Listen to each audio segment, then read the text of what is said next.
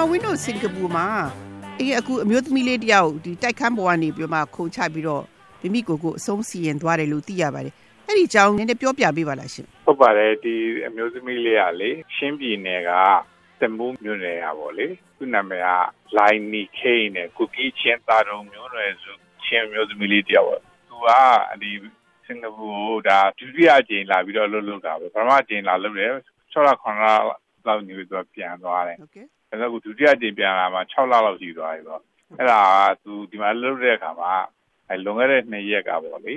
Tuesday မနေ့အစောကြီးခုံချတယ်အဲကွန်ဒိုမီနီယမ်12ထပ်လို့ပြောရဲအဲကွန်ဒိုကသူနေတာအပါစီရန်ကူနေရအဲ့ဒီနေရာမှာအဲကွန်ဒိုမီနီယမ်မှာအဲ့တော့17တက်နောက်ဆို17တက်တိုက်ပေါ်ကသူကခုံချကြတယ်ပေါ့အဲအောက်ထပ်မှာအဲကွန်ဒိုမီနီယမ်မြေမြေတက်မှာတွေ့တဲ့အခါကျတော့အဲ့ဒါကိုရေရလေပြီးတော့စစ်စည်းထားတာပေါ့လေ ခုံချတယ်လို့တော့အဲယူဆထားတာပေါ့လေဒါကတော့တရားရုံးရောက်တော့မှပဲရေရတော့အခုမှုစုံစမ်းနေတာပေါ့လေအဲအလောင်းကတော့အခုရှင်ဝဲယုံရောက်နေအဲ့နေရနောက်ပြီးတော့သူ့ရဲ့ဦးလေးရတယ်ဒီကိုရောက်နေပြီပေါ့ဟုတ်ကဲ့တနေ့ကည12နာရီမှာရောက်တယ်ပေါ့လေမနေ့ကတော့တန်ယုံနဲ့တွေ့ရတော့ကျွန်တော်တို့ဒီမြန်မာဖွဲ့စည်းမြန်မာကလပ်ချင်းဖွဲ့စည်းရလူကြီးတွေနဲ့သူတွေ့ပြီးပြီပေါ့လေတွေ့လို့ပြီးတော့ဒီနေ့ 7နာရီခွဲမှာတော့အဲဒီကိုနေရပြီးတော့အလောင်းကိုထုတ်ပြီးတော့လက်ဖြန်ကားကိုကျွန်တော်တို့တချို့ကိုစီစဉ်ထားရတယ်ပေါ့အဲ့တော့ तू အခုလိုပေါ့နော် तू အလောင်းကိုတိုက်အောက်မှာတွေ့တယ်ဆိုတော့ယူဆရတာ तू ခုန်ချပြီးတော့မိမိကိုမိဆုံးစီရင်တဲ့ပေါ်ပေါ့အဲ့တော့ဟုတ်ပါတယ်ဒီအလုတ်လောက်ကန်ရတဲ့အခြေအနေရောဘာများကြာသေးလဲမသိဘူးအိမ်ရှင်နဲ့ဒီအိမ်အကူကြားမှာပေါ့နော်နောက်ဆုံးချိန်ထိမှာတော့ကျွန်တော်တို့သိတာတော့ तू အဲ့မခုံချခင်မတိုင်ခင်ညမှာတဲ့ तू ကသူ့မျိုးသားနဲ့ ပုံပြောသေးတယ်လို့ကျွန်တော်တို့သတင်းသိထားရတယ်ပေါ့လေနောက်တစ်ခုကကျွန်တော်တို့မသိတာကဘာမသိတာလဲဆိုလို့ရှိရင်နောက်သားဖြင့်ဒီကိုယ့်ကိုဆူဆိုက်လုပ်တယ်ဆိုလို့ရှိရင်တော့ message ပေးတာတို့တာရေးတာအဲ့ဒါတွေကတော့ကျွန်တော်တို့ရှိလားမရှိလားမသိဘူးရဲတွေရှိမှာပဲသူတို့သိမှာပဲကျွန်တော်တို့တော့မသိဘူးပေါ့သူကတော့ဒါဒီရဲအစုံစမ်းသေးပဲ the coronary inquiry မှာတရားရုံးရောက်တော့မှပဲအဲ့ကြတဲ့ခါကျတော့မှရဲတင်တဲ့ report ကိုမူတည်ပြီးတော့ဒီဥစ္စာကဆူဆက်ဖြစ်တယ်မဖြစ်ဘူးဆိုတာကိုကျွန်တော်တို့သိမှာပေါ့လေ ခုအရင်ကလည်းဒီစင်ကာပူမှာမဇင်မာဦးတို့ဒီလိုမျိုးတိုက်ပေါ်ကခုံချတာရှိခဲ့ဘူးတယ်လေအဲ့ဒါလည်းဒီအင်ရှင်ဟိုအလုသမားပြဿနာပေါ့နော်သူတို့စိတ်ဆင်းရဲမှုတမ်းမခံနိုင်လို့လို့ခုံချက်ဆိုအခုရဲကတော့အင်ရှင်ကိုစစ်ဆေးမှုတွေဘာတွေမလုပ်ဘူးလားရှင်အာလုပ်ပါတယ်သေပြီဆိုတာနဲ့အဲ့လိုတစ်ခုဖြစ်ပြီရှင်တော့သူရဲရတယ်ပြီးတော့အင်ရှင်တော့မေးမြန်းစုံစမ်းမှုလုပ်တယ်လေသူတို့တွေကဘာလို့လဲဆိုလို့ရှိရင်အဲ့ဒီသေမှုသေခင်ကိုစုံစမ်းတယ်စုံစမ်းပြီးလို့ရှိရင်အဲ့ဒီဥစ္စာကို ရဲ complete investigation ပြီးပြီဆိုလို့ရှိရင်သူကတရားရုံးကို colony ပို့တာတရားရုံးကနေပြီးတော့သူကလေပြီးထောက်ထားကိုကြည့်ပြီးတော့ဟုတ်ပြီဒီဥစ္စာကဟောလေဒီစူဆန်ဖြစ်တယ်သူကသူဖြစ်တယ်ဆိုလို့ရှိရင်အဲ့မှာသူကလည်းတော့မှအမှုကပိတ်သွားအဲ့အဲ့လိုဖြစ်တဲ့အခါကျလို့ရှိရင်ဒီမှာတရားရုံးကဆိုလုပ်တဲ့ခါကျရင်သူကဘာလို့လဲဆိုကျွန်တော်တို့ဒီစံရုံးကိုသူကအကြောင်းကြားရတာဟုတ်နောက်ပြီးလို့ရှိရင်ဟိုအကာကရှင်ကဒီ relative ရှိရင်ဟောခုဒီမှာကြတဲ့ခါကျတော့ကျွန်တော်တို့ကအဲ့စံရုံးကနေပြီးတော့အများအားကျွန်တော်တို့အဲ့ ရုံးခေါ်တယ်ပေါ့အဲ့မှာသွားပြီးတော့နားထားပါဒီမှာဟုတ်ကိစ္စကလည်းဒီတိုင်းပဲဟုတ်ကဲ့တရားရုံးကလည်းဟုတ်ပြီဒီဥစ္စာကဒီအမှုပိတ်လို့ရတယ်ပေါ့လေဒီဟိုနည်းဖြစ်သွားပြီပေါ့ဒါကိုကိုကိုရာဇဝမှုမဟုတ်ဘူးဆိုပြီးအဲ့လိုလုပ်တယ်ပေါ့လေဒါပေမဲ့လို့လေကိုကိုကိုအဆုံးစီရင်နေဆိုတာကလေစိတ်ဆင်းရဲမှုကြီးမားလွန်းကြည့်လို့အဆုံးစီရင်တာလေအဆုံးစီရင်နေဆိုတဲ့အခါမှာအကြောင်းအရာကတော့ရှိရမှာပေါ့ဟုတ်တယ်မဟုတ်လားအကြောင်းအရာတစ်ခုတော့ရှိရမှာပေါ့လေဒီဥစ္စာတော့ကျွန်တော်တို့လည်းမသိနိုင်ဘူးပေါ့နောက်လို့အင်ရှင်နဲ့ဟိုပြဿနာဖြစ်လို့ပဲလား ပြဿနာဆိုတာအေးအဲ့မှာ stress ကိုမခံနိုင်တာအမှန်တော့ကျွန်တော်တို့ဒီဟိုနေ့ကတော့ stress တာမခံနိုင်လို့ပေါ့ကိုယ်ထပ်ပေါက်ရှာတာပေါ့ stress ကလည်းမျိုးစုံဖြစ်နိုင်တာဟုတ်ဒီ work environment ကြောင့်လည်းဖြစ်နေတယ် family environment ကြောင့်လည်းဖြစ်တယ်ဘာကြောင့်လဲဆိုတာတော့ကျွန်တော်တို့လည်းသိချာမသိဘူးပေါ့လေ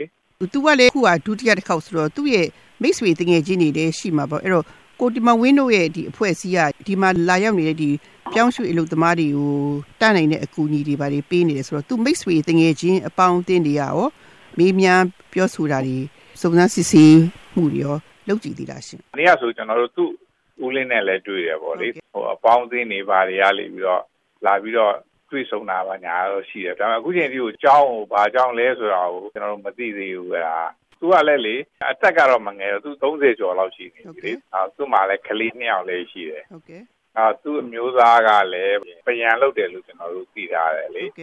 မနေ့ကကျောင်းနေပဲပေါ့တယောက်ကလာတယ်သူတော်မှရှော့ဖြစ်သွားတယ်အဲ့ဒီသတင်းကြတော့တဲ့ဆိုအဲ့လိုပြောတာတော့ကြားတယ်ပေါ့လေကျွန်တော်ဘာကြောင့်ဆိုတော့ဘူးမအောင်သိချာမသိဘူးသူ့ဦးလေးကလည်းကျွန်တော်တို့ကသူလည်းအံ့ဩနေတယ်ဒါလို့သူ့ပေါင်းတင်ချင်းအပန်းဝဲရဒီသူနဲ့ဒီ chat တို့ဘာလို့မှတက်တဲ့ဆိုတာဆိုလို့ရှိရင်ကျွန်တော် Sunday လောက်မှသူကြာမှာပဲကျွန်တော်တို့အဲ့သူတို့နဲ့တွေ့မှာပဲသေချာသိတော့မှာအခုလိုဘာအကြောင်းရလို့အသေးချာတော့မသိရသေးပေမဲ့လို့လေဒီမှာဦးတို့ဟိုကိုကိုကိုအဆုံးစီရင်ခဲ့တာရှိတယ်ဒီချင်းအမျိုးသမီးလေး ပြုံငုံတုံးတို့နော်အလုပ်ရှိရဲ့နှိမ့်ဆက်မှုကြောင့်တက်ခါရရှိဆိုတော့စင်ကာပူမှာပေါ့နော်ကိုဒီမဝူတို့ကလည်းဒီအလုပ်သမားရေးကိုကူညီဆောင်ရွက်ပေးနေဆိုတော့အိမ်အကူတွေလာလုပ်တဲ့နေရာမှာပေါ့နော်သူတို့အဓိကရင်ဆိုင်နေရတဲ့ပြဿနာတွေကဘာတွေပါလဲကိုဒီမဝူကျွန်တော်ဒုက္ခဖြစ်လို့တွေ့တဲ့လူတွေရဲ့အဓိကပြဿနာသူကဒီ communication problem ရှိတယ်ပေါ့အလုပ်ရှင်မကသူကပြောတော့ဆိုနားမလဲတဲ့ problem တစ်ခါပြောတော့ကြောက်လဲနားမလဲနောက်တစ်ခါပြောလဲတော့စိတ်တူပြီးတော့ အလုပ်ရှင်ဘက်ကလည်းဒေါသထွက်မှာပေါ့လေအဲ့ဒီအခါကျရင်ကိုယ့်ဘက်ကဒေါသကိုခံနိုင်လို့ရှိရင်တော့တမျိုးနေတိုင်းအဲ့လိုစူးကြေးမောင်းခံနိုင်ရတယ်ဆိုလို့ရှိရင်သူအဲ့ stress ကလည်းမနေဘူးလေကျွန်တော်အဲ့ဒီဥစ္စာအဓိကပြဿနာလို့ပြောတယ်ဒုတိယပြဿနာကတော့အဲ့လုပ်ငန်းမကျွမ်းတာပေါ့တော်တော်များများတောကရောက်လာတဲ့ဟာလေးများတဲ့အခါကျတော့ဒီမှာရှိတဲ့ဒီအိမ်သုံးပစ္စည်းတွေကိုမသုံးဘူးမကင်ဘူးဟောသင်ပေးတဲ့ဥစ္စာကိုနားမလဲအဲအဲ့ကြောင့်လေအိမ်ရှင်မကလည်းဒေါသထွက်တာရှိမယ်နောက်တစ်ခုကကြတော့ဗါလဲဆိုလို့ရှိရင် သူ့ရဲ့အသက်အရွယ်ပေါ့အသက်နည်းနည်းကြီးလို့ရှိရင်ကတော့ဘာဖြစ်ဖြစ်ဒါအသက်ကြီးတော့မှအခုဖြစ်သွားတဲ့မျိုးသမီးဆိုရင်30ကျော်တော့ရှိသွားပြီအဲတော်တော်များများတွေ့ရတဲ့ဥစ္စာကဘာလဲဆိုလို့ရှိရင်အသက်ငယ်တဲ့မျိုးသမီးလေးတွေပေါ့ဒီမှာ23နှစ်မှအိမ်မော်လို့လို့ရတယ်သူ့လာဆို16 18 20တော့မှဇင်မာဦးလို့ပြောင်းငိုင်တွန်းလို့ဆိုလို့ရှိရင်တို့ကအခက်ငယ်ငယ်တွေပေါ့အဲအဲ့လိုလူမျိုးတွေဆိုလို့ရှိရင်တော့ဒီ stress တောင်မခံနိုင်ဘူးအဲ့ဒါတွေကြောင့်လို့ကျွန်တော်ထင်တယ်လေစင်ကာပူမှာအင်းအကူတွေပေါ့နော် လှုပ်လှုပ်တာဒီတိမ့်နဲ့ချီရှိတဲ့ထဲမှာအများဆုံးကတော့ဖိလစ်ပိုင်နဲ့အင်ဒိုနီးရှားတွေပေါ့နော်နောက်တော့မြန်မာကတော့3000 4000လောက်ရှိတယ်ဆိုတော့3000 4000ဆိုလေနဲတဲ့အရေးအတွက်တော့မဟုတ်ပါဘူးအဲ့ခါကျတော့သူတို့တွေကိုအကောင်းဆုံးပေါ့နော်ဘယ်လိုအကာအကွယ်ပေးနိုင်မလဲဘယ်လိုအကြံပေးခြင်းလဲရှင်အဲကျွန်တော်အကြံပေးချင်တာတော့ဟိုကျွန်တော်တခုပဲဒီကိုရောက်လာတဲ့လူတွေကိုဘယ်လိုနည်းနဲ့ဖြစ်ဖြစ်အသက်ငယ်ငယ်ပဲရောက်ကြီးပဲရောက်ရောက်သူတို့မှဒုက္ခဖြစ်တယ်ဆိုလို့ရှိရင်အကူကြီးတောင်းဖို့အတွက် အဓိကလိုအပ်နေတာကတော့ဘာလဲဆိုလို့ရှိရင်တယ်လီဖုန်းလေးတစ်လုံးပေါ့။မှသူတို့ရှိမှာတယ်လီဖုန်းတွေရှိတယ်။အဲ့ဒါကိုအိမ်ရှင်တွေကအိမ်ရောက်တာနဲ့တော်တော်များများအသိခံရတယ်။သုံးဝင်မပေးဘူး။အဲ့လိုလူမျိုးတွေကြိုက်ကြလို့ရှိရင်မှအကူကြီးတောင်းဖို့အတွက်ကညဘက်မှာပဲဖြစ်ပါပဲဖြစ်သူ့မှာဆို stress ရလို့မှရင်ဖွင့်နေတယ်ပဲဖြစ်ဖြစ်ဖွင့်ဖို့အတွက်သူ့မှာအဲ့လိုမရှိဘူးတော့ချို့ဆိုအပြင်ကို ၄၅6လကိုမထွက်အောင်အိမ်ထဲမှာပဲနေနေရအဲ့လိုညသူက stress တွေကိုသူ release လုပ်ဖို့အတွက်မရှိဘူးပေါ့လေအဲ့တော့စကားပြောလို့ရတယ်ဆိုရင်ဘာထွက်ဖို့တစ်ခုတော့ရတာတယ်လီဖုန်းကကျွန်တော်တို့ဒီအိမ်ရှင်တွေသိမ်းထားတာကိုကျွန်တော်တော့မသိစေချင်ဘူးဒါအဓိက hacker ဖြစ်လို့ရှင်အဲ့ဒါကိုယ့်အတွက်လက်နဲ့တစ်ခုပဲလေအဲ့ဥစ္စာတွေ့နေရတာဗာလဲတွေ့ဆိုရင်အဲ့ဒီတယ်လီဖုန်းကိုသိမ်းထားတဲ့ဥစ္စာသူတို့ကအိမ်ရှင်တွေမဟုတ်ဘူးဒီစင်ကာပူမှာရှိတဲ့ agent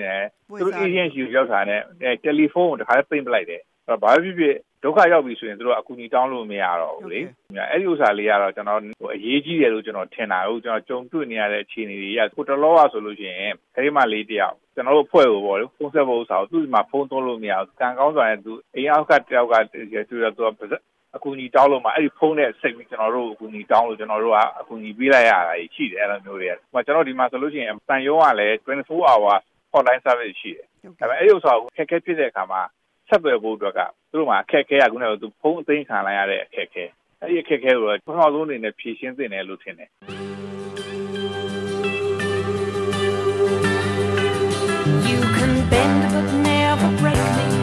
'Cause it only serves to make me more determined to achieve my final goal. And I come back even stronger, not enough.